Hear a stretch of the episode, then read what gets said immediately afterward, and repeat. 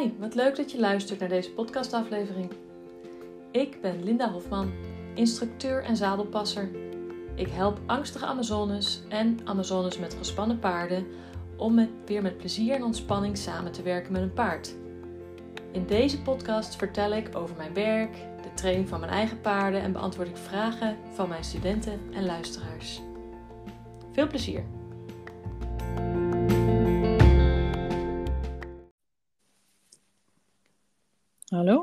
Hallo? Paulien! Kijk aan, hij doet het. Hij doet het. Dus altijd even ehm pas aan meten en kijken of we de apparatuur aan het werk kunnen krijgen. maar hij doet het en we Ja. nemen op. Nou, helemaal goed. Nou, ik zal je eerst even voorstellen ehm, voor- aan alle luisteraars vandaag of morgen of welke dag dan ook als je dit luistert. Vandaag interview ik eh Paulien Kleinboch en Paulien heb ik leren kennen via de Ride Like a Viking eh, membersgroep. Ze is een mede ma- Ride Like a Viking trainer en instructeur. En ehm, afgelopen oktober, dus we hebben het over het jaar 2023 als je dit later luistert, ehm, zijn we met alle ehm, Ride Like a Viking trainers en instructeurs uitgenodigd bij Paulien en haar vrouw Ietje in de Dordogne in Frankrijk om daar ehm, met z'n allen eh, een weekend eh, bij te leren van elkaar. Eh, dat was superleuk. En daar heb ik dus ook gezien hoe Paulien haar paarden traint. Want die, Paulien, jij, ehm, en ik wil graag een heleboel van jou weten. maar in de basis wil ik je eigenlijk vragen. ehm, eerst om heel even iets over jezelf te vertellen. En dan zou ik graag met je willen hebben over hoe je opnieuw in de paarden terecht bent gekomen. En ehm, hoe je vervolgens in je zoektocht eh, naar oplossingen bij Ride Like a Viking. En vervolgens ook bij Intrinse, of andersom. Volgens mij is het voor jou andersom. eh, eh, bent uitgekomen en wat dit jou en je paarden brengt. Oké. Dus- Dit is een hele mond vol. Mhm. Eh, nou, dan gaan we even terug naar eh, 2011. Eh, ik ben dus Paulien en, en ik woon in Frankrijk samen met mijn vrouw Ietje Poppinga. En we zijn in 2011 naar Frankrijk verhuisd. Eh, eigenlijk vanwege onze tackles en eigenlijk omdat we naar het platteland wilden. En we het platteland in Nederland te duur en te vol vonden. En zo zijn we op een gegeven moment in Frankrijk terechtgekomen. Eh, ik ben nu 65 jaar. Ik ben eh, met pensioen, of eigenlijk met weduwepensioen, moet ik zeggen. Want mijn eh, man is eh, in 2007 overleden. En Mhm. dat heeft natuurlijk mijn hele leven op zijn kop, kop gezet. Ja. Daarna heb ik Ietje ontmoet en eh, toen zijn wij samen een nieuw leven gestart met twee tackles. En we zijn dus in 2011 naar Frankrijk verhuisd. En we wonen hier dus nu ook alweer ruim tien jaar. En de eerste jaren hadden we gewoon een leuk huis en onze honden en waren we veel op pad. En op een gegeven moment begon het toch te knagen. Goh, het zou leuk zijn om toch weer eh, iets met paarden te gaan doen. Want ik heb als, eh, in mijn jeugd was ik echt een 100% paardenmeisje. Ja. Ik heb op mijn 23ste heb ik volop in de paarden gezeten. En toen heb ik toch gekozen voor een maatschappelijke carrière en de paarden opgegeven. ja, zoals En, als eh, veel hoogopgeleide meiden deden en doen in die tijd. Zo is het bij Ja, mij ook gegaan. Ja, ja. Ja. En, en, en dus op relatief late leeftijd, we waren al tweede helft 50, eh, begon het dus weer te knagen. Ja. En ik heb eh, in mijn paardenverleden eh, ook een paar jaar IJslandse paarden gehad. Maar in de tijd dat nog niemand verstand had van IJslandse paarden. En ik zelf dus eigenlijk ook niet. En als je dan op een landelijke rijvereniging met je vijfganger aankomt. En hij gaat telgang of hij gaat tulten.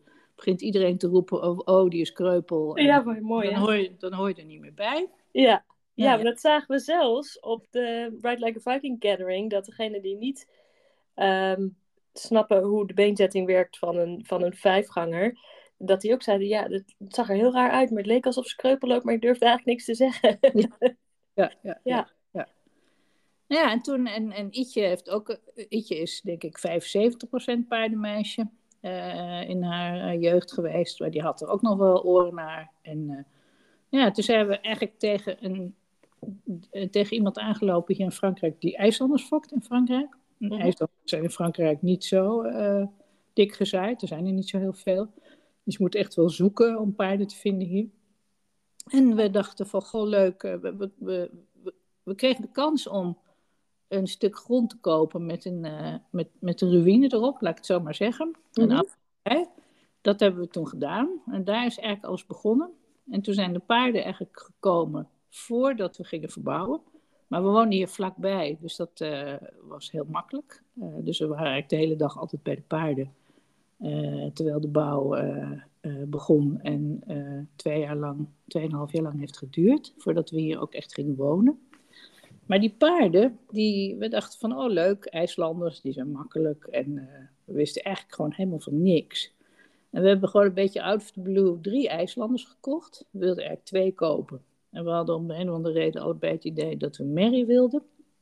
En uh, ook niet echt bij stilgestaan wat dat betekent. En toen hebben we er ook nog een leuke ruim bij gekocht. Die we eigenlijk een beetje erbij cadeau kregen. Want die had uh, uh, zomerexeem. Heb, heb je deze paarden ook alle drie nog? Nee, we hebben nog één van die drie hebben we nog. Oké. Okay. En, de, en de ingewikkeldste hebben we nog. En dat is? Uh, Sarah. Oh ja, ja. Sarah was dus bij de eerste, bij de eerste drie. Maar die paarden die kwamen en uh, wij dachten, oh leuk, kunnen we meteen lekker op gaan rijden en zo. En uh, we hebben een proef gereden bij de trainer. Nou, ik weet wel hoe dat gaat. En, en die paarden kwamen hier. En ik dacht ook al vrij gauw van, oh, ik ga een beetje longeren. Nou, ik kwam heel gauw achter, dat, en we hadden eigenlijk nog niet eens een rijbak. Dus dat ging natuurlijk al meteen mis. En we gingen er op een gegeven moment op zitten. En wat we van ons vroeger herinnerden van, oh, lekker de benen eraan en dan gaan ze wel. Nou, deze IJslanders die zijn zo getraind dat ze heel gevoelig zijn. Dus we lagen er ook meteen naast. Meteen vliegles. ja. Dus uh, toen hadden we al heel gauw zoiets van, oeps, hier moeten hier moet we maar iets anders gaan doen. En ja. uh, we hadden dus die twee merries. Uh, Kwenda was de merrie van Ietje. Sarah was mijn merrie. En dan hadden we Balduur, onze goede Balduur. Ruin, echt een schattige Ruin, een jonge Ruin, was net vijf. Uh, die heeft ons eigenlijk gered. Die heeft ons de eerste zomer door uh, geholpen. Die Mary, die Sarah, die heb ik de eerste drie maanden kon ik die niet eens benaderen. Ik had ook geen idee hoe je dat moest doen. En, maar liep ze van je weg dan? Ja, ja. en ze was ook heel schuw. En, uh, dus uh, hebben we op een gegeven moment hebben we van een boer hebben we een soort vangkooi geleend. En, en, en toen want ze moesten een keer bekapt worden en er moesten nog ijzers onderuit en zo. Oh ja. En, allemaal veel gedoe. En toen hebben we een vangkooi geleend. Toen heb ik een emmertje met eten ingezet. Nou, daar gingen de, de, dames en de heer gingen daar gewoon rustig in. En toen kon ik er wel vangen. Oké. Okay. En zo is dat een beetje begonnen. Maar ja, ja. we kwamen er al wel gauw achter dat we zonder hulp niet ver zouden komen. En toen was de dochter van onze lerares Duits, is een paardenmeisje. En die was toen 15 jaar en die kwamen een keer bij ons op bezoek. En zij kwam aan met een tas met wat spulletjes. En zei, oh, mag ik eens wat met jullie paarden uh, proberen? En we hadden al zoiets van, nou, ik kan er niet op rijden hoor, dat is veel te gevaarlijk. En, uh, we zeiden, nee hoor, nee hoor, we gaan niet, uh, helemaal niet op rijden. Ik ga gewoon een beetje kijken hoe ze zijn. En, dus die ging grondwerk met ze doen. Mm -hmm. Daar hadden we echt nog nooit van gehoord. Dat is mooi hè? Ja, in, in de middeleeuwen toen wij nog paard reden, dan praat ik over eind 60 jaren, 70 jaren tot eind 70 jaar, zeg maar. Tot, ik heb een paarden verkocht in 1981, dus uh, ja, dat is alweer een tijdje geleden. Ja. En daartussenin, vrienden van ons die zeiden ook van, die zijn hartstikke gek. Er zitten twee wereldoorlogen tussen jullie uh, paardenverleden en dat je weer opnieuw begint. dat is natuurlijk ook een beetje zo. Maar goed, Elina kwam en uh, nou, die ging een, beetje, ging een beetje helpen. En uh, dat zag eigenlijk ook wel heel uh, vertrouwen, vertrouwenswekkend uit. En we hadden in de tussentijd wel besloten dat we wat aan onze infrastructuur moesten doen. Dus we hadden een rijbak laten aanleggen. Mm -hmm. En, en dat, dat heeft ook veel geholpen, want dan is een paarden dan los, uh, losgaan, zijn, staan ze niet meteen een kilometer verderop, wat daarvoor het geval was. Ja, precies. Ja, ja, ja. Nee, dat, dat, dat, dat, dat is niet altijd handig, nee. Ja. En uh, Elina had een paardenjuf, Cecile, en daar hebben we contact mee opgenomen. En Cecile is een Française die hier in de buurt woont, hier een half uur vandaan. En een, en een zeg maar, natural horsemanship paardentrainer is, wel een hele goeie, maar heel Frans. En, uh, en wat is heel Frans?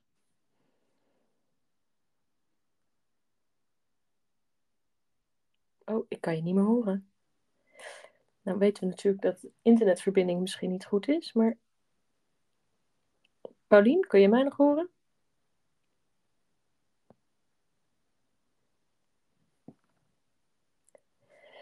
Ik hoor niks meer. Nou, ik ga heel even um, de opname stoppen. dan ga ik even opnieuw inbellen en kijken of het dan lukt. Oké.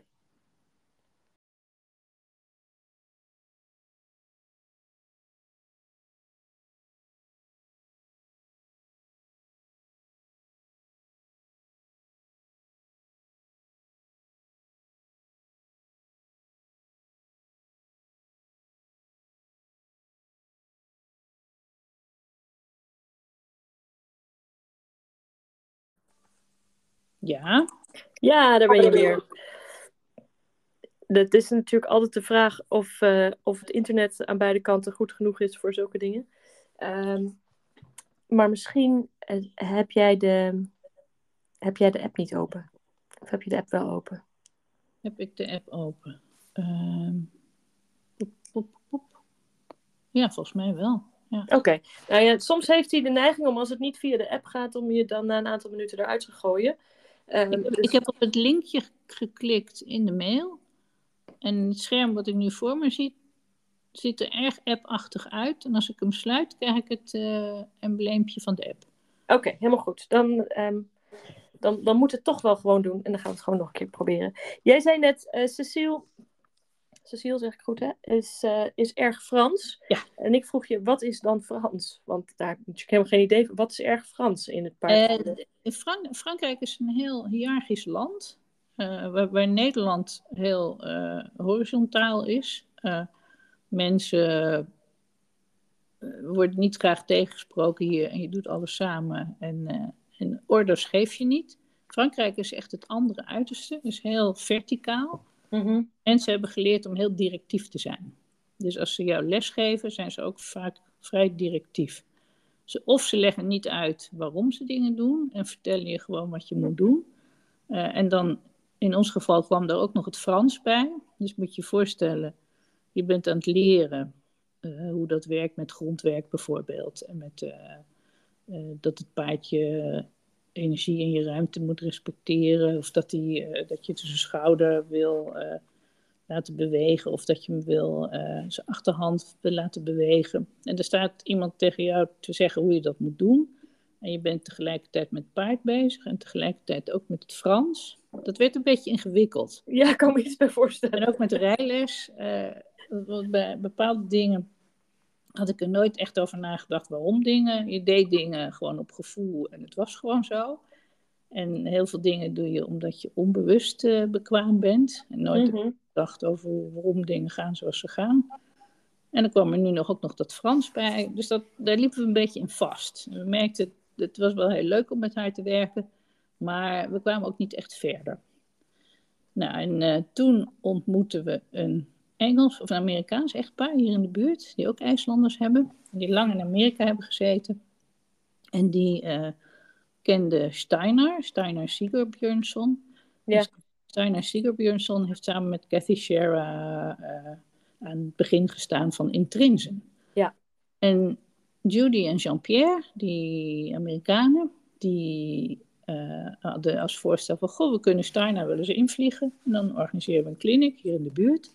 Nou, we hadden ook binnen no time hadden we genoeg mensen bij elkaar. Oh, wat grappig. We, en we hebben twee keer uh, het, in het najaar van. Even kijken wanneer dat nou. In ieder geval een najaar en een voorjaar hebben we twee clinics met Steiner gehad. En uh, echt clinics van drie dagen. Oh ja, echt lange clinics dus, ja. Dus ik heb mee, ik heb, we hebben meegedaan de eerste keer met drie paarden, de tweede keer met twee paarden. Nou, daar hebben we, wat, wat zo leuk is als je een clinic met Steiner doet, het eerste wat je opvalt is gewoon de positieve, relaxte sfeer. Alles is gewoon leuk en alles is gewoon plezier en het gaat om een positieve mindset. En Steiner is heel cool, is heel, een heel relaxte gozer en een geweldig goede paardenman. En uh, wat me opviel, is dat hij laat je dingen doen met je paarden waarvan je misschien nog geen idee hebt wat het inhoudt, maar op de ene manier werkt het. Oké. En, uh, en, en daar is onze uh, interesse voor Intrinsen is begonnen. Mm En uh, van Lieverlee, van het een komt het ander. Judy en Jean-Pierre zijn inmiddels alweer verhuisd en die zijn niet meer in hun paarden. En we, we gingen richting COVID. En, en we hadden in de tussentijd ook van drie paarden, zaten we op een gegeven moment op negen paarden hier. en, en nu zijn we echt aan het verzamelen gegaan. Dus. dus het is allemaal een beetje uit de hand gelopen. Ja. We hebben hier zelfs een veulen. Er is hier een veulen geboren in 2019. En die is er ook nog steeds. Dus we hebben ja. zes paarden. En uh, toen COVID kwam, kwamen we er ook wel achter dat uh, ja, je zit hier ook wel ver van alles af. Dus, en paardenmensen hier in de buurt zijn over het algemeen toch wel heel klassiek. Er zitten heel veel Engelsen hier. En Engelsen, mm -hmm. zijn, Engelsen zijn van ride every step. Ja. Dus wat wij doen, dat sluit, sluit, niet aan bij wat zij doen en omgekeerd. Dus je voelt je toch wel vrij gauw uh, wat eenzaam in, in onze zoektocht. En ja, toen kwam ook nog COVID. En toen ja. zijn we vooral online gegaan om te kijken wat er allemaal uh, zo te koop is in de wereld. En, uh, en dat is, het heeft toen natuurlijk een enorme vlucht genomen. En um, ik volgde al in Twinsen en Cathy en Steiner gingen uit elkaar. Of in ieder geval hun samenwerking stopte. Want Steiner ging terug naar IJsland. Ja. En Cathy ging verder de eigen weg. En Cathy heeft toen uh, haar Pain Science en Performance for Horses training opgezet. Die jij volgens mij nu ook. Uh, ja, ik volg, ik volg hem nu ook. Ja. ja. ja. En, uh, Super die... interessant voor als mensen denken: van ik wil um, meer leren over um, bewegingsleer en en zo. Maar goed. Absoluut. Ja. ja. Dus die, die ben ik gaan volgen. En verder is het ook gewoon veel, veel doen, veel proberen, veel oefenen. Veel... Ja. En hoe doe jij dat dan als jij zelf aan het oefenen bent? Film jij jezelf? Uh, af en toe, uh, als er anderen zijn, help ik om te filmen. Die, help, die filmen me dan en dan kijken we ook wat er gebeurt. Mm -hmm. En ik gebruik de anderen ook als uh, passagier op het paard, bijvoorbeeld. Ja. Uh, want soms is het fijn om iemand op je paard te zetten. En uh, zodat het paard de, de, extra uitdaging van het gewicht van de ruiter heeft. Zonder dat de ruiter zich bemoeit met het paard. Ja. Dat is echt een hele fijne manier uh, om te kijken of het paard het gewicht van de ruiter aan kan. Of dus een balans kan vinden. En dan kan hij er ook mee oefenen. Zonder dat er een ruiter is die aan zijn teugels aan het trekken is. Mm -hmm. En ja. va vaak zoek ik dan lichte ruiters uit. Niet hele zware ruiters. Ja.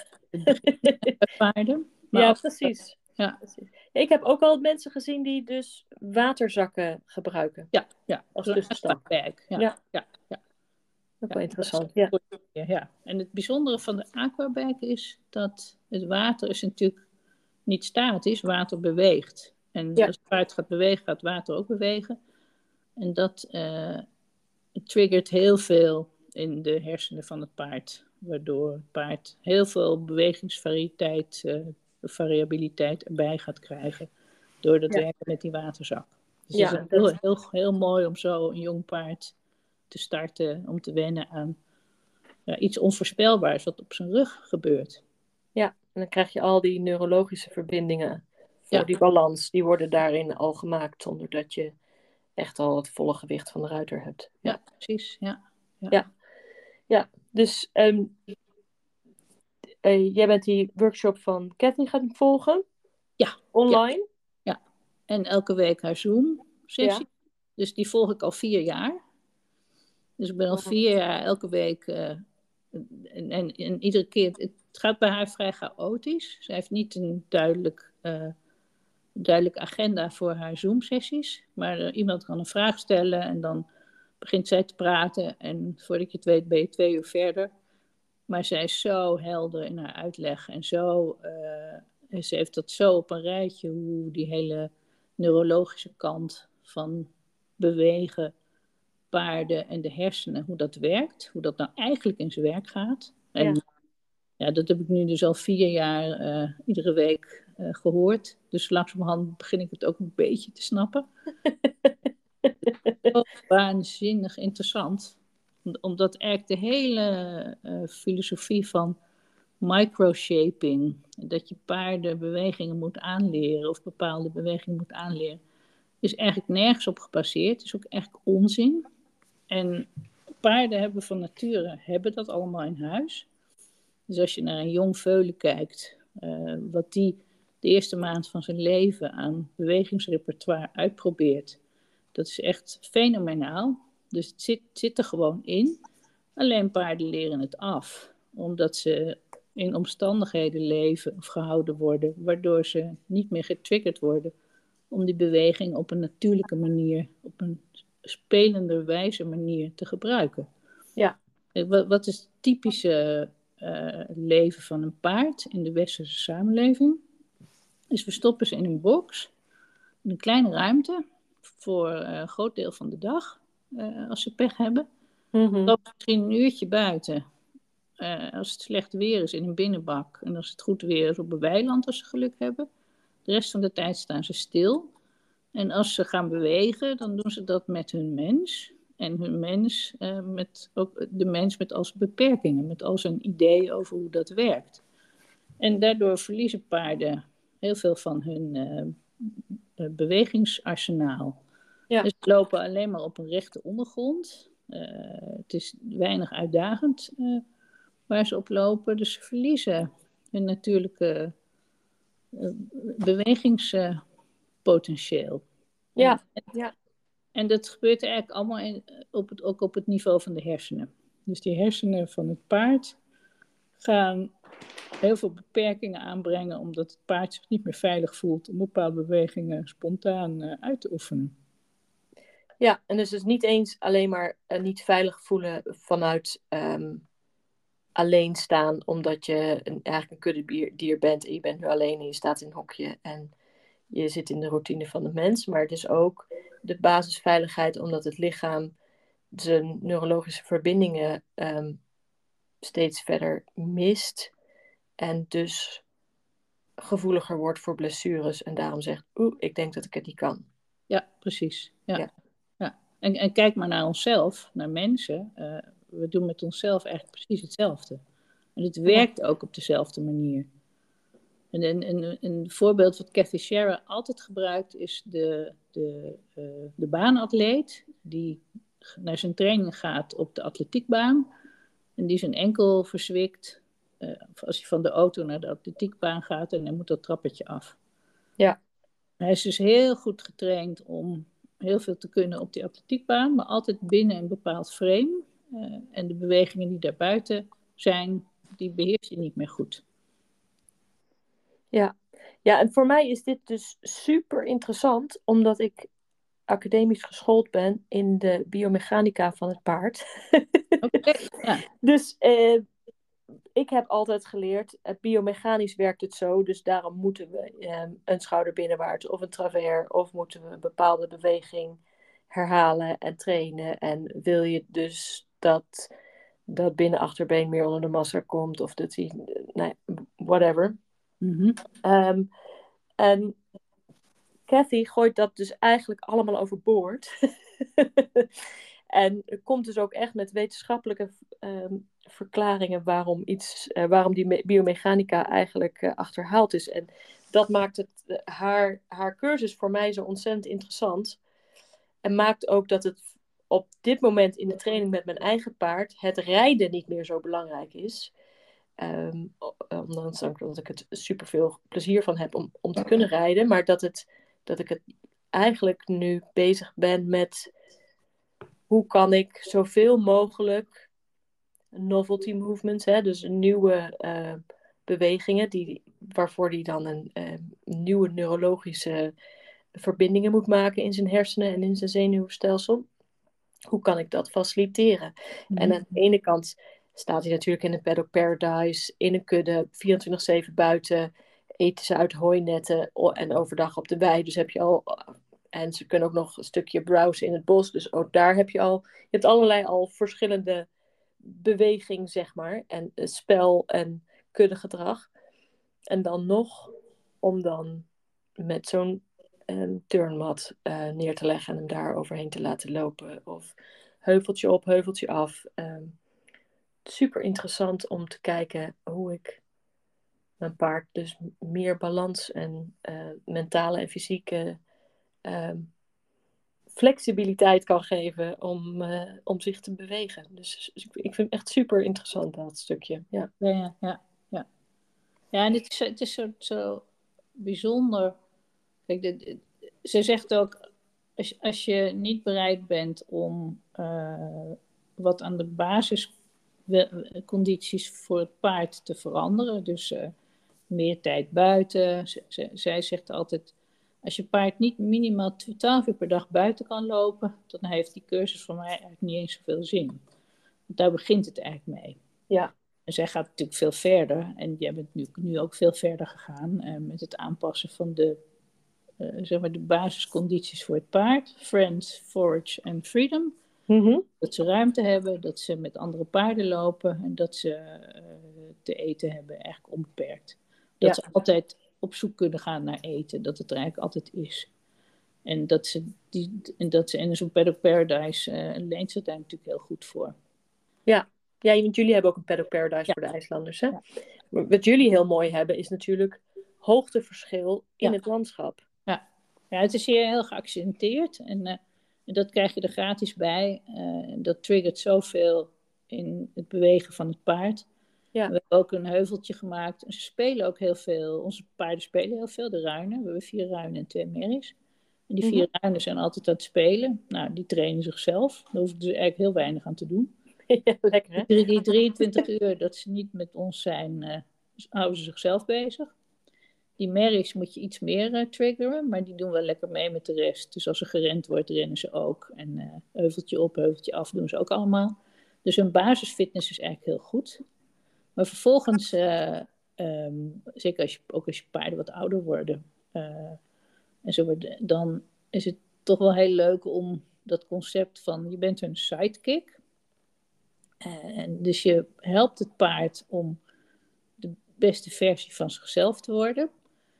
En je wordt een soort context designer. Dat is ook het woord wat Cathy gebruikt. Je bent context designer. Je bent voortdurend bezig met kijken naar je paarden. Van goh, waar hebben ze blokkades? Waar hebben ze geen blokkades? Wat gaat goed? Wat gaat minder goed? En dan ga je bewegingspuzzels ga je ontwerpen uh, die het paard gaan helpen om zelf uh, die blokkades op te heffen. Dus ja, en, en daar wil ik even een kleine um, side note bij maken. Want die blokkades, waar we in het academische rijkunde gaan kijken... Oké, okay, hij draagt niet genoeg met het ene achterbeen en hij stuwt te veel met het andere achterbeen, whatever. En dan gaan we echt op dat plekje, daar gaan we, hè, als die zich te veel op de voorbenen stuwt, dan gaan we meer werken naar het beter ondertreden van het achterbeen.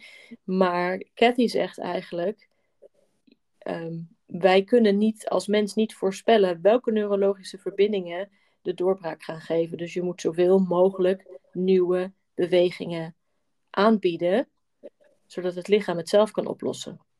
Ja, ja. ja. ja. En je weet ook vaak niet waar, uh, als het paard stijf, is in een schouder of zo, kan het heel ergens anders vandaan komen. Uh, en, en, dat weet je eigenlijk niet. Het lichaam is zo'n gecompliceerd mechanisme dat je niet een stukje kan isoleren en zeggen van, oh, daar komt het uit. En dat is eigenlijk in, nu in de, de hele bewegingsleer voor mensen daar heeft uh, Cathy zich ook heel erg in verdiept. Dus is er zijn eigenlijk enorme doorbraken nu aan de hand. Uh, zeg maar, de ouderwetse trainen in een sportschool waarbij je bepaalde oefeningen drilt, is eigenlijk, eigenlijk achterhaald. Uh, omdat je daar, dat, dat, dat transfert niet goed naar het hele bewegingsapparaat. Je wordt wel heel goed in dat ene, maar je hebt er niet zoveel aan. En een voorbeeld is uh, voetballers die trainen. Uh, wat een hele bekende oefening is bij voetballers, is dat ze met van die kleine pionnetjes hebben ze dan staan. En dan moeten ze de hele tijd omheen uh, dribbelen. Mm -hmm. Nou, daar word je wel heel fit van. Maar als je in een wedstrijd bent, zo'n pionnetje beweegt niet.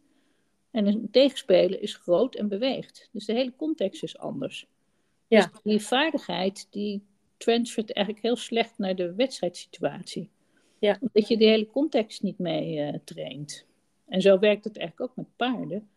Uh, is eigenlijk helemaal niet zoveel verschil. Ehm, dus eigenlijk alles wat je patroonmatig traint, en ze worden heel goed in die patronen. Maar ze worden niet per definitie leniger of robuuster voor het dagelijkse leven. Dus paarden die hogeschool dressuur lopen, hebben al die oefeningen goed ingetraind. Even afgezien van of dat op een ethisch verantwoorde manier gebeurt of niet. Laten we daar maar even niet op ingaan. Nee, hoeft niet alles in dit deze maar, aflevering te bespreken. Dus dat hele arsenaal aan oefeningen, dat kennen ze. En, maar als ze in de wei lopen en ze glijden uit, uh, zijn ze niet in staat om dat goed op te vangen vaak. En daar ontstaan dan weer blessures door. Ja, en daar ontstaat dus ook het idee van, van nee, ik heb een duur dressuurpaard, ik moet hem vooral niet op de wei zetten, want dan krijgt hij blessures en dan um, kan ik hem naar de slag brengen. Ja, um, of op pensioen zetten. Dus um, juist door dus niet alleen maar op je dressuuroefeningen te trainen, maar door een grotere variëteit aan contentcreatie of uh, contextcreatie uh, te, aan te bieden aan je paard. Dus ofwel in de huisvesting, wat natuurlijk hartstikke goed is, maar en ook in je, in je trainingen, mm -hmm. uh, maak je je paard eigenlijk fysiek sterker. Ja. ja. En mentaal sterker. Ja. ja. waar ze dan vooral erg op gebrand is, is dat het paard zijn, zijn agile position vertaal je dat? Dus een, de positie waarin die heel, heel makkelijk weg kan komen van iets. Wat een vluchtdier natuurlijk nodig heeft. Ja, dus is eigenlijk uh, vanuit een biomechanisch perspectief uh, verzameld um, op de achterbenen vanuit een bijna levade-achtige positie of een schoolhalt, zeg maar. Ja, precies. Um, ja. Gewicht helemaal op de achterhand, zodat ze ja. in een mum van een seconde om de achterhand heen kunnen omdraaien en wegsplitten de andere kant op. ja. En als ze dat kunnen, dan uh, kunnen ze. En als ze dat goed blijven onderhouden, dan kunnen ze uh, op allerlei ingewikkelde. Dan raken ze veel minder gauw geblesseerd, want ze kunnen dat gewoon opvangen. Ja, ja, ja, super, super interessant. En hoe ben jij dan vanuit het intrinse bij de Ride Like a Viking terechtgekomen? Ja, dat is een hele leuke vraag. Want uh, dat is, aan de ene kant is natuurlijk het intrinse is heel erg uh, vrij. Het is, ik zeg even intrinse, maar wat Cathy doet is nu niet helemaal 100% intrinse meer, geloof ik. Hè? Maar het is weer een beetje um, um, geëvalueerd. Um, en zij zegt, het is geen methode. Nee. ik heb geen methode, ik geef je alleen richtlijnen uh, waarbinnen je je eigen context voor jouw eigen paard kunt creëren. Ja. En eh, dan, dan, zoek ik het maar verder zelf uit, kan wel meedenken, maar het, ja, het is eigenlijk heel breed, creatief en geen methode. Terwijl Ride Like a Viking is toch wel weer terug naar natural horsemanship, wel metho methodisch. Ja, ja. Nou, ik, ik, ik, ik ben op het spoor van Katrien Fotstad gekomen via Instagram. Want zij is heel actief op Instagram. En waar ik ook wel uh, op zit en veel paarden dingen bekijk. En, uh, en voordat je het weet zit je in een soort bubbel met gelijk, gelijkgestemden.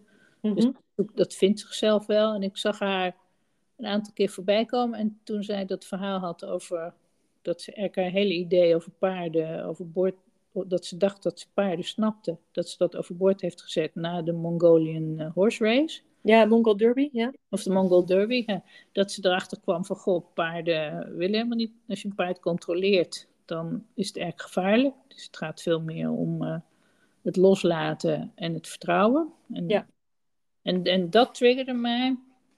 En ook vanuit de gedachte, we wonen hier in zo'n prachtig gebied. Je hebt hier in de Dordogne heb je 8000 kilometer... Uh, gepeilde wandelpaden waar je met je paarden allemaal op mag. En, oh, echt waar? Wat een luxe. Ja, Ja, en uh, dus het is toch ook wel leuk om niet alleen maar met je paarden te spelen, maar er ook af en toe nog eens op te gaan zitten. Dus gewoon trailriding ja. is ook wel iets wat we, wat we ambiëren en wat we ook doen. Ja. En wat onze paarden ook wel gewoon heel leuk vinden. Ja. En, uh, en, en, ook een hele goede training is. en ook een hele goede training is, ja. Dus, uh, dus dat sloot wel aan bij, bij mijn idee van hé, hey, er is meer dan intrinsen. En Cathy is met haar intrinse ook niet echt uit op uh, lange tochten gaan rijden. Dat is niet, uh, uh, zij is ook mijn leeftijd en ze woont op een eiland. En volgens mij zit dat niet meer echt in haar, in, in haar ambitie om dat te gaan doen. Okay. Maar voor ons is dat toch iets anders. Ook omdat het hier zo, ja, zo, zo mooi ervoor is. Dus het zou zonde zijn om die paarden ook niet die lol te gunnen. Dat ze dat ook meemaken. Nou, en voor mezelf, ik, ik ben natuurlijk, uh, ik ben ooit begon, mijn blog begonnen als de buitenruiter.nl, maar de, de, hij bestaat niet meer hoor, de blog. Maar um, voor mij is het reizen te paard, lange afstandsreizen, gewoon instap met je zadeltassen en je paard. Um, dat is de mooiste manier van reizen. Het is um, net iets sneller dan wandelen, net iets langzamer dan fietsen. En je wordt gewoon één met het landschap. En er zit geen haast meer in je lijf. Het gaat gewoon in het ritme van de natuur. En het is, um, als je echt lange afstandstochten rijdt, um, van meer dagen, dat is zo mooi. Ik, ik, ja, het is eigenlijk voor mij geen betere vakantiebestemming dan gewoon op reis te gaan met je paard op die manier. Ja, ja, ja. Ja, ja mooi is dat. Hè? Ja. ja. Nou, en, bij, bij of bij Katrien Fotstad, bij Ride Like Viking, had ik het idee van: hé, hey, uh, dit is een uitbreiding van wat we aan het doen zijn. En misschien is het uh, de andere kant van dezelfde medaille, of hoe zeg je dat? Dat het toch ook wel meer met elkaar te maken heeft dan we misschien op het eerste oog denken. want bij Katrien Fotstad is de aan, gaat de nadruk vooral op de connectie met het paard. En dat het paard jouw oordeelsvorming vertrouwt. Uh, dat jij een goede, betrouwbare partner voor hem bent. Ja. En als het paard zijn focus op jou kan leggen en niet op dat enge ding wat je ziet. En als je het paard, als je iets engs ziet uh, en je bent aan het buitenrijden en je kan hem helpen dat hij zijn focus weer bij jou legt en hij vertrouwt jou ook en hij blijft ontspannen, dan is dat natuurlijk van zoveel, zoveel waarde als je gaat rijden. Uh, en, als je, en wat je bij haar heel goed leert is om aan te voelen wanneer een paard, uh, wanneer hij zijn focus verliest. En dat is al een aandachtsmoment van, hé, hey, nu moet ik gaan opletten, wat is er aan de hand? En dat je echt goed naar je paard leert luisteren. En dat je ook goed zijn angst leert interpreteren. Ja. En, uh, en ja, dat is, en, en bij haar gaat het dus vooral om zeg maar, de emotionele fitness van onszelf en van het paard.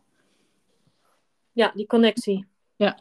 ja. En, en als die connectie goed is, dan zijn ze ontspannen, dan worden ze zacht in hun lichaam en bewegen ze ook beter. Ja. Want uh, slecht bewegen uh, is, uh, komt vooral voort uit spanning. En spanning komt voort uit, ook uit angst. Ja. En de meeste paarden worden toch te snel ingereden en toch te veel vanuit hun vluchtneiging, wordt te veel op hun vluchtdrang, uh, uh, uh, wordt gebruik van gemaakt om ze te laten bewegen. Zonder ja. dat ze gewoon emotioneel en fysiek in balans zijn. Nou, ik heb daar wel een, een, een niet zo'n leuke anekdote over. Want ik was afgelopen vrijdag heb ik een veulenclinic gegeven. En er waren een, een opfok waar ze zes veulens hebben, die nu allemaal de opfok in zijn. Dus de jongste was zes maanden en de oudste negen maanden. En wat kun je daar al voor een grondwerk mee doen? En van de zes deelnemers waren er twee die um, meededen, maar eigenlijk um, geen interesse hadden in wat ik zei. Mm. Toch op een eigen manier wilden doen. En de, de, de ene was dus ook de staleigenaresse. En zij zei, ja, een paard, ik zeg altijd, een paard moet je niet willen inrijden voor het vijfde jaar, omdat ze dan gewoon fysiek en mentaal niet ver genoeg uitgegroeid zijn om überhaupt een mens te dragen. Mm-hmm. Um, en zij zegt, ja, maar ik ga niet meer op een vijfjarige zitten, want die heeft al zijn balans. Die kan ik niet meer in het rijden uit, uit zijn balans halen. En dan wordt het voor mij gevaarlijk.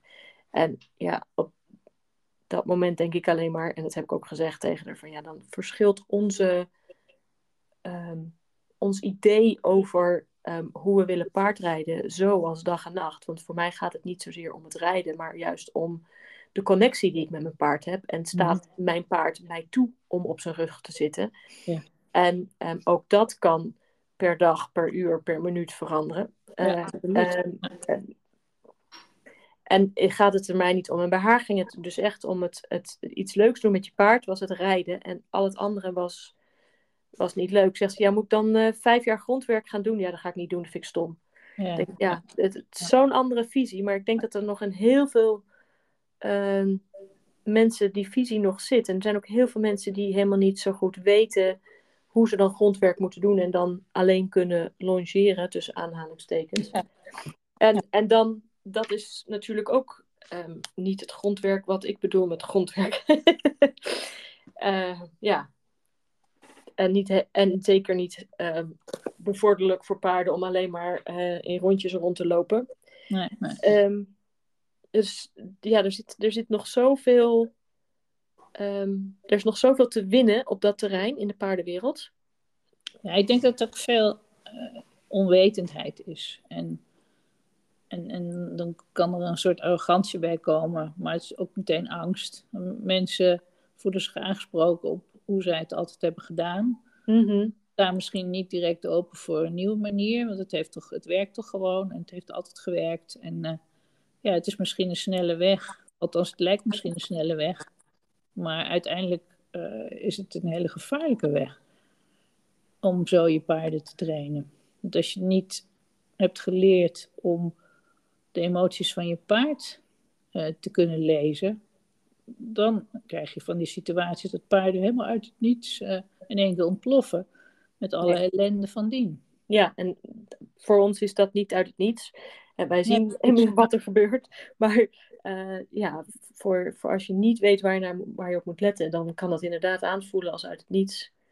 En, um, en in de sport worden, zeker in de KWPN-wereld, worden de paarden heel erg getraind voor heel veel expressieve bewegingen en maar meer en extra en extra. Ja. En um, um, worden de paarden niet zozeer gefokt voor de recreatieve ruiter. Dus je ziet heel veel recreatieruiters die met paarden die voor de sport gefokt zijn, um, in de clinch komen, omdat A, de, het, het energieniveau van het paard um, niet past bij de ruiter en, hm. en B, ze al vrij jong veel te hard en ruw zijn ingereden, waardoor er al zoveel spanning en trauma in het dier zit. Ja. De, paarden, paarden hebben allemaal een start gemaakt met de rijden waar ze geen fijne herinnering aan hebben. Ja. En dat creëert gewoon problemen. En als Ja. je dat kunt vermijden door de eerste stappen een fijne herinnering te laten zijn, heb je al zoveel gewonnen. Ja. En eigenlijk is het voor mij zo logisch. En al dat andere, als je, als je het één keer gaat zien, kan je het niet meer niet zien. En dan wordt het heel pijnlijk om te kijken naar hoe anderen het doen. En hoeveel pijn en hoeveel leed er bij paarden is. En dat heel veel problemen die paarden hebben. eh, tot, en die tot hele hoge dierenartsrekeningen leiden. eh, of tot erger eh, voorkomen kunnen worden als je op een, op, op een fatsoenlijke manier met je paard start. En je verdiept in wat is nou eigenlijk een paard? En hoe ontwikkelt een paard zich? En hoe leert een paard? En hoe reageert het op jouw energie?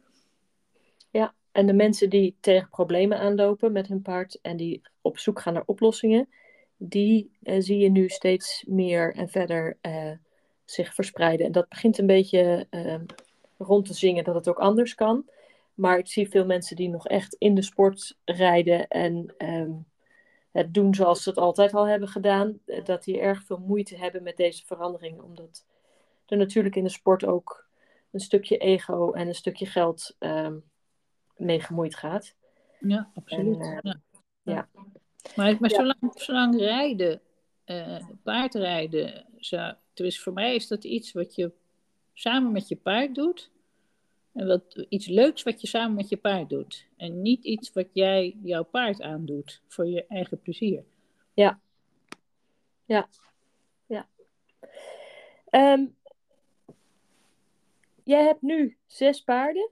Ja, Eh, op, op, eh, op, de, en- op, de, op de jongen van vier na, hè, de jonge ruin van vier na, eh rijd je ze dan ook allemaal? nee, ik rijd er drie of vier op het moment.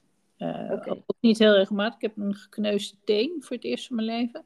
Oh jee. Eh, een van de Mary eh, Kilia, die zag een emmertje. eh, en ik lette even niet op en ze ging met de volle gewicht op mijn kleine teen staan. dus ik ben even, ben even wat minder mobiel. Is gelukkig niet gebroken, maar het doet wel zeer. Ja. En het weer is er ook niet naar op het moment. Eh, maar ehm, even kijken, die Mary Sarah, dus de, een van de eerste die gekomen is, die is echt een super sensitive basket of anxiety. Dus een heel uh, gevoelig paard is de matriarch in de kudde. Uh, dus stelt ook hoge eisen aan uh, mijn oordeelsvorming. En daar ben ik al een lange weg heb ik mee gegaan, maar daar zou ik best op willen rijden. Maar er staan nog een paar andere paarden die ook heel fijn zijn om te rijden en toch wat veiliger. Dus op mijn leeftijd heb ik besloten van nou, als het er niet van komt om haar te rijden, dat is ook niet erg. Het, paard heeft het niet nodig dat ik haar rijd. Nee, precies. Dus ik doe wel dingen met haar, uh, maar ik rijd er niet. En uh, want dan ben ik een paar keer zo afgegaan. Ook omdat ik niet snapte hoe het werkte. Ik denk dat nu misschien met wat ik nu weet zou ik het wel kunnen. Maar die anderen zijn gewoon toch allemaal iets rustiger in hun hoofd. Waardoor het toch iets makkelijker is om uh, met hun te gaan rijden. En ik kan zo ja. normaal rijden. En Ietje heeft een hartconditie. Waardoor ze toch heel voorzichtig uh, moet zijn. En veel minder energie heeft. Dus die rijdt nog maar heel weinig. En als ze rijdt, rijdt ze op ons meest veilige paard. En dan gaan we lekker naar buiten. En dat gaat op zich prima. Maar en wie is de meest veilige bij jullie? Uh, Kilia. Oké. Ja. Die op jouw tenen gaan staan. Ja, die ja. ja. Zo veilig zijn paarden nou helemaal. Eén moment van een onoplettendheid en... Uh, en hopsakee, ja. Hopsakee. Ja, ja. zo gaat dat. ja. en de twee jonkies. Uh, uh, we hebben dus twee merries van 18 en 17 jaar. En we hebben een ruim van 15, een ruim van 11 en dan hebben we twee ruinen, dat zijn de jonkies van zes en van vier. Ja. Die ruin van zes, uh, die zou normaal gesproken nu breder kunnen worden, maar die heeft een issue met een kies en een ontsteking, wat eerst verholpen moet worden en dat duurt eigenlijk al veel te lang. Nou, dat verhaal ga ik nu niet op in, maar deze winter gaat de kies die het probleem veroorzaakt, gaat er toch uit. Ja. En, uh, en tot die tijd ga ik niet met hem rijden, want ik wil niet dat hij een pijnervaring heeft met een hoofdstel of wat dan ook. Nee. Dus ik doe wel uh, grondwerk met hem, ga ook wel met hem wandelen. Hij gaat ook wel mee als handpaard, dus hij maakt het allemaal wel mee. En, uh, en bovendien is het een heel gevoelig paard, hoog in zijn energie. Ja. Dat is ook een paard dat je echt heel mindful moet rijden. En ook, ook, ook veel aan de connectie moet werken, dat hij leert zijn focus bij jou te houden. En dat hij niet. En hij zit gauw hoog in zijn emotie. Ja, ja ik heb hem gezien. Dat, ja. De, ja, hoe noem je het nou? De, de dragon of zoiets? Uh, de fire. Kette zegt altijd: je hebt fire breathing dragons en je hebt energy savers. Ja, dit is zo'n fire breathing dragon. Ja, dit is een fire breathing dragon, ja. Ja. Wat wel leuk is, want uh, zo'n paard is zo lichtvoetig, dus het beweegt zo makkelijk. Ja. Is zo uh, zo vloeibaar in zijn energie. Uh, dat is ook wel weer heel fijn. Uh, want die andere paarden, die moeten toch altijd, die hebben altijd, bij alles wat er gebeurt, moeten ze toch wel, moeten de hersenen wel zeggen van dit is nu een goed idee dat je dit gaat doen. Want anders kan je beter je energie hier niet aan besteden. Dat zie je gewoon in die paarden. Dat hebben die IJslanders natuurlijk toch wel vaker. Dat echt energie ergens aan besteden als zij daar de nut niet van inzien of hun hersenen zeggen hun dat, zou ik maar zeggen, dan moet je wel uit een ander vaatje gaan tappen om ze echt lekker te laten bewegen. Ja, om ze voorwaarts te krijgen. Dat zijn ook paarden die, die kan je gaan longeren. En, dan zullen, en, dat, en dat is bij dat soort paarden, daar zien ze dus echt het nut niet van in. En dan moet je echt uh, andere dingen verzinnen om ze te motiveren, waardoor ze wel leuk gaan bewegen. En ja daar is die intrinse weer heel geschikt voor. Want dat vinden ze toevallig allemaal geweldig leuk om te doen. En dan zijn ze in één keer wel heel erg uh, geëngageerd. Ja, nou, dit is nog. Daar, daar tap je even ergens aan waar ik nog iets over wilde vragen. Want jij doet natuurlijk intrinse voornamelijk met voerbeloning. Ja, ja. Ja, of met scratches. Met, uh, uh, kriebeltjes. Met kriebeltjes, ja. ja. Oké. Ja. Ik heb gemerkt um, dat voor Amarok, um, dat hij eigenlijk wat ik vraag ook al doet zonder die voorbeloning. En gewoon vanuit nieuwsgierigheid al ja. leuk vindt om mee te kijken en te doen. Ja. En, nou moet ik niet te gek gaan staan springen en rennen en doen, want dan um, klapt hij dicht. Maar ja, dat is een paard met een angstverleden. Dus dan, um, echt, hij was echt bang voor mensen toen ik hem kocht. Uh, dus dat, dat, dat, dan komt dat op van, oh, nou word jij um, onbetrouwbaar, omdat ik je niet meer je gedrag niet meer kan eh, inschatten, zeg maar. Als ik, eh, Mhm. je hebt wel video's gezien, denk ik. Ja, ja. Ja. Ja. dus dan, dan, dan, dan gaan bij hem de luiken dicht en zegt hij, nou, nou weet ik het niet meer. Ik kijk wel even de andere kant op. dan is zelfs, maar dan is ook een voerbeloning niet meer interessant om ergens aan mee te doen. Dan is het gewoon helemaal klaar. Ja. Ehm, als ik dan weer rustig doe en weer gewoon mezelf ben, dan is die vrij snel weer te motiveren, ook wel weer door voerbeloning. Maar ik merk dat als ik eigenlijk zonder voerbeloning werk en ik leg bijvoorbeeld die turnmat neer, oh, dan gaat hij automatisch al zelf eh, even met zijn voeten opstaan en even eroverheen lopen en even eraan aan, ehm, krabben met zijn voorbenen. En ehm, als ik ehm, de voerbak neerzet en de, de turnmat ervoor en eh, dan gaat hij half op die turnmat, half eh, of met drie benen erop, één been ernaast, zeg maar, staan eten. En dat, dat, dat is voor hem al helemaal niet meer spannend of interessant. En, maar heb jij dat ook met paarden? Of zijn he- hebben ze echt voor de training bij jou echt allemaal die ehm, voerbeloning nodig? Nou, niet, niet echt hoor. Het is, dat evolueert zich ook, hangt ook een beetje van het paard af. Hangt weer van het weer af, van, van allerlei omstandigheden. De ene dag, de andere dag. Hebben ze honger, hebben ze geen honger? Waar ik altijd voor zorg is dat als ik met paarden ga werken, dat ze geen honger hebben. Dus dat ze niet eh, eh, erg met het eten bezig zijn. En als ik Mhm. een voerbeloning gebruik, gebruik ik eigenlijk ook alleen nog maar eh eh, chaf. Dus hoe heet dat? Dus ge- gehakt gras, gedroogd. Ja, ik gebruik dat van Vitalbix. Is- Oké, nou, in ieder geval, dat is van de droge spul. En dat vinden ze lekker, maar niet super lekker. En dus geen wortels of geen eh, brokjes. Maar gewoon iets waar, waar ze op kunnen kauwen. Want dat kauwen, dat eh, helpt ze om hun leerervaring te verwerken. Ja, ja. En, en dus dat is eigenlijk jouw, ehm, hoe noem je dat? Eh, low, Ja, low value treat. oh, low value treat. Ja, ik wil zeggen, je hebt de high value en low value treat. Dus dit is jouw low value treat. En gebruik je dan ook een high value treat voor als er Ja. iets heel bijzonder is? Ja, ik heb het altijd wel bij me. Eh, en soms gebruik ik het wel eens. Maar ik merk dat het niet heel veel uitmaakt voor ze. Of het nou low value of... eh, ze- eh, die wortel vinden ze wel lekker, maar dan gaan ze niet... Ik heb niet het idee dat het leren dan in één keer harder gaat. Dus ik ben er niet heel, heel precies in, laat, laat ik het zo maar zeggen. Oké. En, eh, en wat ik wel merk is dat als je met positieve bekrachtiging gaat werken en met intrinsen. Kijk, positieve bekrachtiging op zich eh, is ook heel, han, is heel handig om allerlei, ook allerlei trucjes te leren. Of allerlei eh, basisvaardigheden. Bijvoorbeeld hoef optillen of eh, zelf halster aandoen. allemaal dat soort dingen. Dat heeft eigenlijk met de intrinsen niet zo heel veel te maken. Dus zeg maar de, de, de basishandelingen om een paard te verzorgen. Daar kan je heel veel. eh, kijk, Wafi, die een leuk spelletje vindt hij. Dat is onze witte. Die is echt heel creatief. Dat is een heel creatief paard, maar ook een heel gevoelig paard. eh. die eh, vindt het heel leuk om zijn bak op te tillen en dan aan jou te geven. Die kan je heel veel. Die zou in het circus kunnen, want die vindt dat gewoon leuk. Die, Oh is ja, creatief in wat hij leert. En, en die doet veel met zijn mond. En, nou, zo, en, en nu heb ik alweer gezien iemand die dan met zo'n bak. Kijk, op zich zo'n bak optillen, dat is leuk. Maar eh, dat is, daar hebben ze niet zo heel veel aan. Maar je kunt ook eh, ze vragen om de bak op te tillen. En dan om een pionnetje heen te lopen. En dan de bak aan jou te geven. En dan is het weer wel functioneel. Ja. En Ja. dat is eigenlijk heel grappig. Hoe je, hoe je daar, als je creatief bent, hoe je, hoe je daarmee eh, kan werken. Ja. Maar bij, bij is natuurlijk die beloning...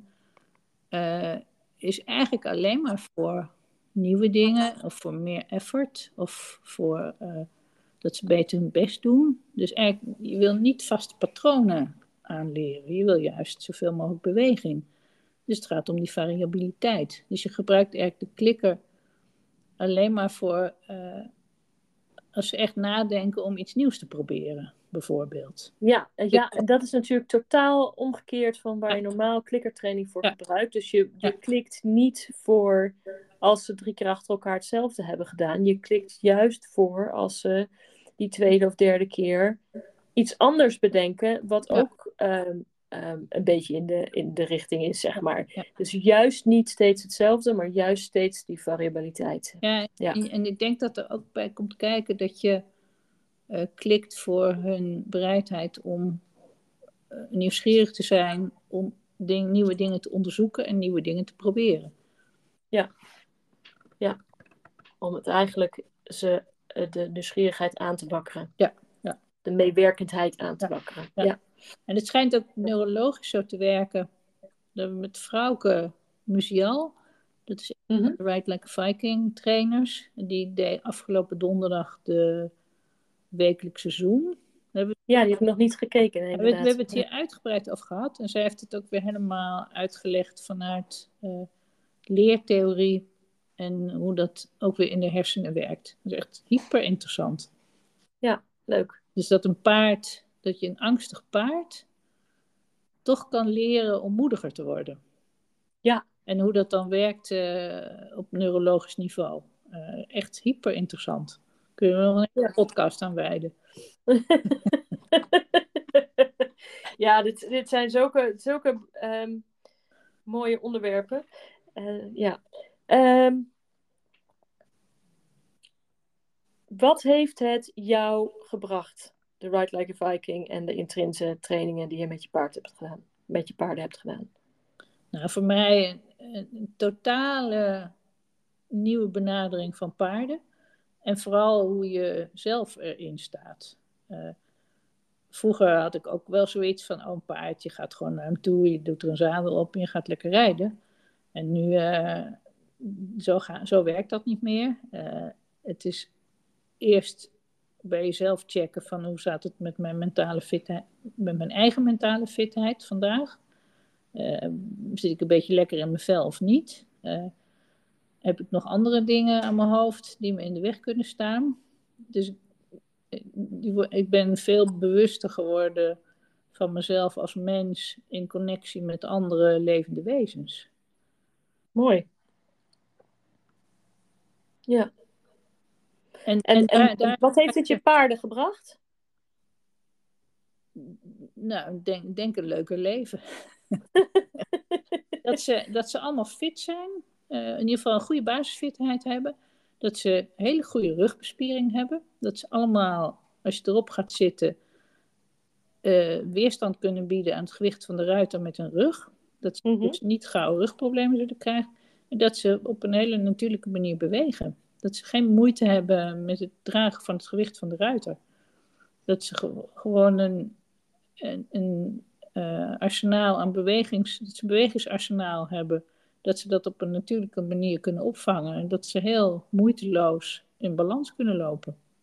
Ja, ja en daar, daar, dat moet ik je echt meegeven. Dat heb ik gezien. En ik was super sceptisch over het intrinse. Want ik zie natuurlijk iedereen met van die stokken en poolnoedels en weet ik veel wat allemaal rondlopen. En allemaal gekke grote, je, je knieën extra hoog optrekken. En denk ik van nou, wat is daar biomechanisch nou correct aan? Waarom zouden we ons paard dat willen leren? Sowieso snap ik niet waarom we ons paard eh, eh, Spaanse pas aan willen leren. Snap je wel zo? Ja. dus vanuit die biomechanische stuk dacht ik, ja, waarom zou ik dat willen doen? Ik ben niet super fan van voerbeloningen, omdat ik het ook heel vaak mis zie gaan. En paarden daar heel vervelend van kunnen worden als wij het niet goed doen. Ja. En niet duidelijk zijn in onze eigen ruimte, energie en eh, waarvoor we belonen. Ehm, dus ik, toen ik bij jou daar aan de bak stond, dacht ik, nou, we gaan het zien. Want ik, jij bent er altijd heel erg ehm, positief over. En, en, ik, eh, en ik dacht, nou, ik, ik, ik weet het niet, ik moet het zien. En je hebt me overtuigd, want Favi heeft natuurlijk, qua bouw heeft hij het niet mee. Hij heeft een, echt wel een beetje een holle, holle rug. Ja, klopt. En ehm, zodra hij met jou aan het werk ging, in die beweging, kwam zijn rug omhoog, had hij een hele mooie, strakke, rechte rug, kon hij zijn benen ondertreden, kwam dat, kon hij zijn, zijn, zijn hals, eh, ja, hij werd, werd helemaal een stoer, stevig paard, stond, stond er echt, er werd echt zo'n, eh, ehm, ja, zo'n ridderpaard, zo'n warhorse, dat wel even zou laten zien eh, hoe het moest, Ja, zeg maar. Ja, ja. Echt zo'n, uh, Cathy noemt dat de power pose. Maar het, dat was het ook echt. En ik zag die rug. En ik, ik ben natuurlijk altijd biomechanisch heel erg aan het kijken naar wat. Want ik heb geleerd naar te kijken hoe, wat is correct. dus ik zie dat en ik denk, jeetje, hoe een paard die zo biomega of ja, qua bouw eigenlijk een achterstand heeft, kon zich zo goed zichzelf dragen in het spel met jou. En vervolgens um, uh, met de dochter van uh, Katie erop, Katie erop. Mhm. Um, ik weet even niet meer hoe ze heet. Alma. Alma, oh dat was het ja. En, en dus, nee, dus natuurlijk een kind is wel lichter dan een gewone ruiter. Maar hij kon, hij, hij bleef, hij bleef die rug uh, tegendruk geven. Niet alsof het dan, dat hij dan strak in één houding bleef. Helemaal niet. Het bleef voor hem heel erg een spel om te spelen met zijn, met zijn bewegingen en met zijn rug en hoe hij zich droeg. En dat heeft voor mij uh, de ogen geopend om um, ook eens deze kant op te kijken. Dus daarom wilde ik jou ook graag interviewen, natuurlijk. Dus um, ja, het heeft de, dat spel tussen jou en Favi en hoe hij zich ontwikkeld heeft, maakt wel dat um, ik van mijn high horse met mijn biomechanisch uh, correct uh, ben afgestapt, zeg maar. Oké, okay, misschien ja. kan het ook anders.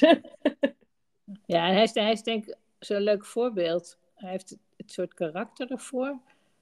En het is toch een wat lastig te lezen paard. Maar hij heeft ja, het is ook gewoon een boefje. Het is een boefje, ja. ja. En, en doordat hij eigenlijk dat, dat, dat hij die holle, holle rug heeft van nature. En, en die andere kant zo mooi, die kan je zo mooi naar voren brengen. Ik zou zelfs jou erop kunnen zetten en je zou kunnen voelen wat een power dat paard heeft. Ja. Hij zou, dan zou hij niet van onder de indruk zijn als jij erop zou zitten. Dan zou hij hetzelfde doen als met Alma. Ja. En dat is het bijzondere. En, de, en, dus die, en hij heeft dat op die manier beter kunnen leren. En hij gebruikt het dus ook veel meer in zijn spel. Het is een paard wat moeilijk tulten in het begin. En nu is hij, als, je, als ik hem zie spelen, is hij altijd aan tulten. Dus dat heeft hij ook daarvan uh, meegekregen. Ja. Ja, want tult, dan moeten ze gewoon ook met die rugspieren kunnen spelen. Ja, ja. Gooi ze los, gooi heel vast, hou ik ze een beetje vast, geef een beetje mee, ja. Ja, ja, ja. En het is een paard wat gewoon heel makkelijk tult nu. En ja, hij heeft niet een hele spectaculaire tult die super snel gaat of zo. Maar hij heeft wel een hele ontspannen tult. En als je dus op hem rijdt en je vraagt... En hij tult dus vanuit ontspanning en niet vanuit druk. Dat vind ik heel, heel belangrijk. Daar hebben we het met uh, uh, Katrien Vodstad van Like a Viking ook veel over. Dat de meeste ijslanders worden met druk ingetuld. En gaan mm-hmm. toch hun, weg, hun rug wegdrukken en lopen met hun hoofd omhoog. Nou, daar kan je biomechanisch ook van alles van vinden. Ja, oh ja, dat vind ik ook. en uh, dat is niet fijn voor een paard. Dus nee. Kilia, die een geweldige tult heeft, maar een negatieve tultherinnering. Dus om die ontspannen te laten tulten, moet je echt uit zo'n ander vaatje tappen dan wat ze eigenlijk gewend was. Dat is dus weer helemaal leren, uh, helemaal terug naar de basis. Dat, en, en dat ze met een losse teugel kunnen tulten, gewoon op energie. En ja. alleen maar energie en niks, uh, niks druk. Ja, leuk. Leuk. Ja, en, en ik denk dat veel mensen zich niet realiseren als je. De, de tult is voor IJslanders uh, uh, wat de piaf is voor veel dressuurpaarden. Het vraagt ontzettend veel um, spierkracht en um, lichaamsbeheersing en balans. En uh, um, om überhaupt die beweging zo te maken ja. met een ruiter. Ja. Ja. Ja. Ja. ja. ja. ik denk dat ook, ook Intrinsen en ook uh, Ride Like a Viking voor IJslanders ook heel veel te bieden heeft. Voor IJslandse paarden om, uh, als je, als je Cathy's Dramer, als je die nu ziet tulten, gewoon. Ja. En zo, en het paard is 24. Het zijn echt haar seniors. En uh, ja. wat die geworsteld heeft in de competitie met die paarden. En hoe shutdown dat paard was. En daarom is ze dit eigenlijk gaan doen. Uh, en als je dit paard nu ziet, dat is echt, uh, krijg je tranen van in je ogen. Denk, Ja. dat zou ik je paard gunnen. En Ja. ook, ook als je paard 20 is en je wil hem nog een leuke oude dag geven, dan ga vooral dit doen. Ga vooral eh, verdiep je erin en eh, kijk wat het allemaal te bieden heeft. Want het maakt het leven voor het paard ook zoveel leuker. En dan heb je samen ook een leuker leven. Ja, dan hoef je hem niet eh, ergens op pensioen te zetten. En, eh, en ja. En laten wegkwijnen. ja, want dat, dat, daar kwijnen ze echt van weg. Zeker de paarden die veel gewerkt hebben, die dan opeens stil komen te staan, die gaan zich ook echt gewoon vervelen. Want alleen maar op een bij staan is ook niet leuk. Nee, nee, nee. Daar, daar zit ook geen uitdaging in. Nee. Nee. nee. Ehm, Paulien, we zijn inmiddels al eh, zeker een uur aan het kletsen. Ehm, is er iets wat jij nog niet gezegd hebt dat je nog heel graag wil zeggen over het intrinse en, het, ehm, en de Ride Like Viking of jouw paarden of over de training in het algemeen? Ja, ik heb, ik heb zitten nadenken van wat zou ik nu anders doen als ik nu acht jaar geleden opnieuw met paarden zou beginnen. Ja. En daar heb ik wel wat tips. en eh, het eerste wat ik zou doen is, eh, als je een paard wil gaan kopen, in ieder geval goed nadenken van waar begin je aan. Want het is een lifestyle decision. En je zit daarna in een gouden kooi. En eh, het, het, bepaalt echt een deel van je leven. Dus dat moet, dat moet je echt ervoor over willen hebben. Wil je het echt all the way brengen? Het is niet iets Mhm. wat je er maar even bij doet. En als ik een paard zou gaan kopen, zou ik daar advies bij vragen. En ik zou advies vragen van iemand die kijkt naar de persoonlijkheden van paarden. En dat ook kijkt naar de persoonlijkheid van de ruiter.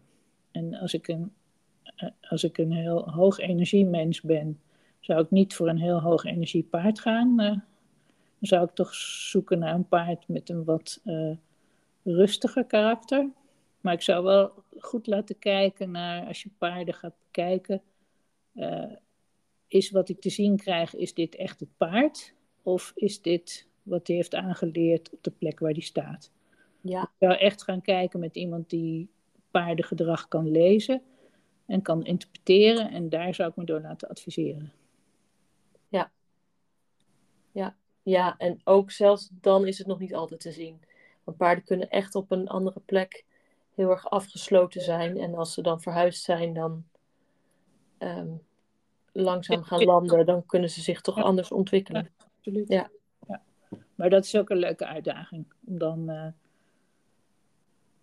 om dan Ja. met ze proberen die, die weg goed met ze af te leggen. Zodat ze ook op een eerlijke manier een start kunnen maken op een nieuwe plek.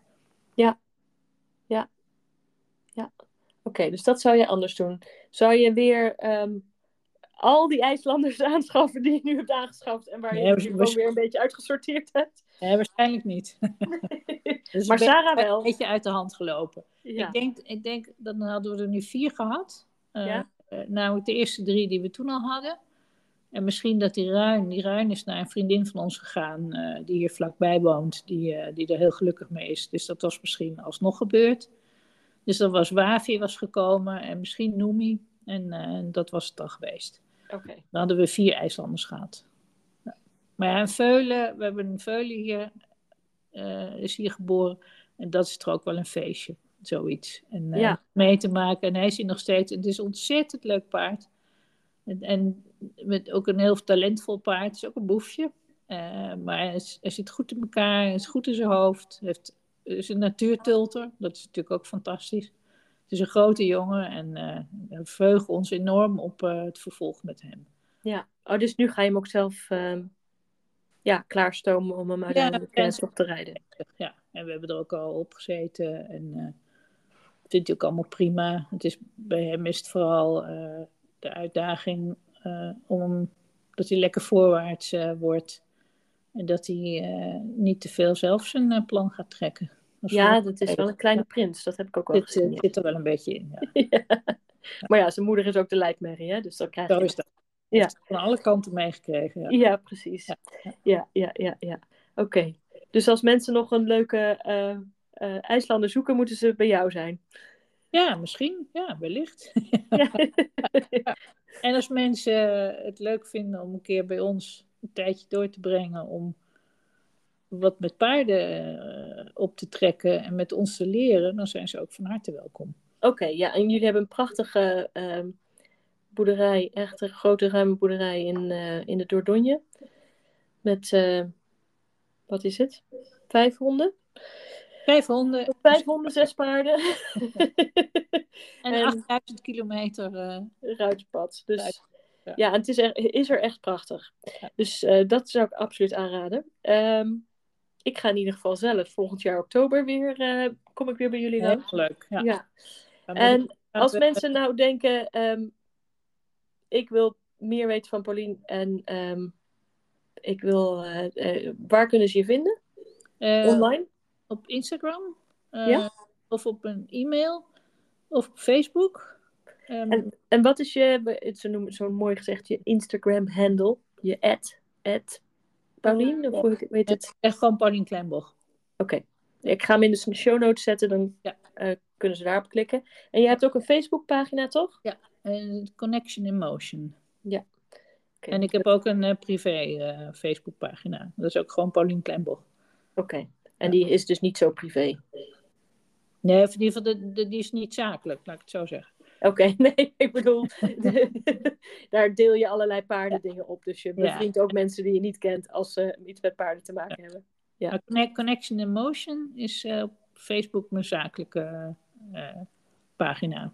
Ja, en ehm, ehm, waarvoor kunnen mensen bij jou verder terecht? Ehm, als ze meer willen weten over intrinsen of het trainen van paarden? Of, eh,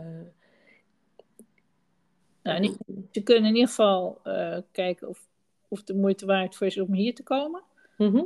Om met ons te leren. En, eh, en ik ben nog bezig met het opzetten van een online, een, een online programma. Leuk. online eh, bij mij kan leren. Interessant, leuk. Leuk. Nou, dat willen we natuurlijk allemaal van op de hoogte blijven. Dus als je die klaar hebt, dan zal ik eh, daar ook van een link in de show notes zetten. Dus dan moet je die TZT maar even naar me toesturen. Want Ja. niet iedereen luistert deze podcastafleveringen altijd meteen de volgende dag. Dat kan soms een jaar duren. dus, ehm Paulien, super leuk dat je de tijd hebt genomen om met mij hierover te praten. En eh, dat ik je mocht interviewen. Ja, en ik vond het een hele eer dat je me wilde, dat je, dat je me wilde interviewen. Nou, je hebt hartstikke veel kennis en je bent hartstikke enthousiast. En je paarden doen het goed, dus waarom niet? Ja, maar het is wel, wel, heel leuk om te horen. Dat, eh, ja, ja. Ja. Nou, je, je hebt mij echt overtuigd eh, daar de, do- door Donje, dus eh, die eer heb je. Eh, ehm, nou, dus dankjewel voor deze, eh, d- eh, de tijd en de moeite en al je, ehm, je mooie verhaal en al je ehm, tips. En ik ga de, dus dingen in de show notes zetten, zodat mensen jou kunnen vinden. En als je dit nou geluisterd hebt en je denkt, ehm, dit is een interessante aflevering, die eh, moeten meer mensen horen, dan mag je hem natuurlijk delen op Instagram. En dan eh, eventjes kun je en Paulien en mij taggen in, het, in, de, in de stories. Dan eh, kunnen wij ook weer delen voor jou.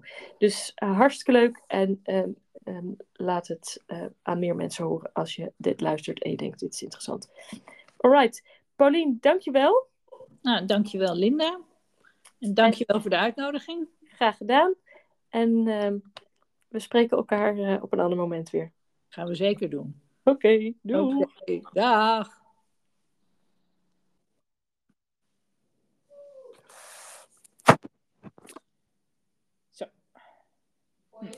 Ja, leuk. Ja, Ze, zij zit er wel goed in, dus dat, eh, dat helpt enorm. Ja. Dus ik krijg heel wat gerichte vragen. Ja, En we hadden lekker veel tijd. lekker hè? Ja.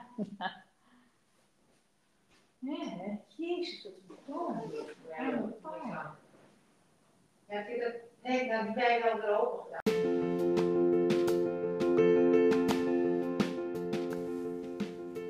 Dankjewel voor het afluisteren van deze podcastaflevering.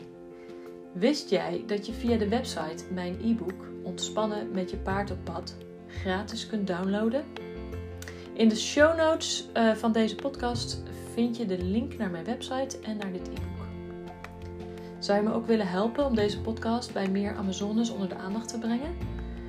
Dat kun je op verschillende manieren doen. Je kunt een review schrijven op de Apple Podcast app of een aantal sterren geven op Spotify. Hierdoor komt deze podcast hoger in de ranking en zullen meer Amazones hem tegenkomen en wellicht luisteren. Ook kun je de podcast delen in je stories op Instagram of Facebook, eh, zodat je vrienden en volgers eh, het ook zien. Super fijn als je dit voor mij wilt doen. Hoe meer Amazones met plezier en ontspanning van een paard genieten, hoe beter. Dankjewel!